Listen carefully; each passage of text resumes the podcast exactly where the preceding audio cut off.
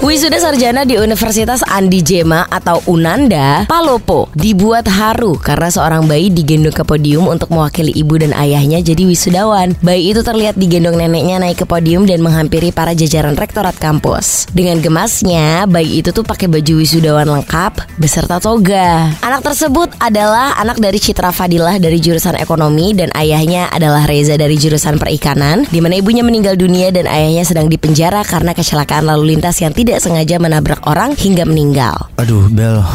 Gua sampai bingung mau komentar seperti apa. Di satu sisi memang menggemaskan, tapi di sisi lain lumayan menyedihkan ya karena diwakilin oleh anaknya yang masih bayi loh, ngewakilin ibu dan juga bapaknya. Gue sempat lihat sih videonya, ini viral banget. Tapi ya di video itu kurang detail, Bel. Abis itu dia ngapain lagi? Jadi satu persatu dosen itu nyium pipinya bayi yang namanya Kimberly ini terus ngasih salam. Pas pemindahan tali toga dari kiri ke kanan dilakukan oleh Rektor Unanda, Ibu Ana Boceng, di mana kemudian para wisudawan, dosen, sampai sivitas akademika kampus Unanda yang hadir meneteskan air mata. Kemudian juga ada proses mengheningkan cipta dan membacakan doa untuk almarhumah Citra Fadilah dan pembacaan puisi dari seorang mahasiswi untuk mengenang sosok Citra. Dekan berkata, ketika Citra mengerjakan skripsi, kondisinya lagi hamil besar. Namun almarhumah sukses mendapatkan gelar sarjana yang diharapkan. Semoga tenang buat almarhum Citra dan untuk keluarga yang ditinggalkan, semoga diberikan ketabahan. Untuk adanya semoga kamu juga bisa menempuh pendidikan sama seperti orang tua kamu atau kalau bisa lebih tinggi lagi ya. Amin.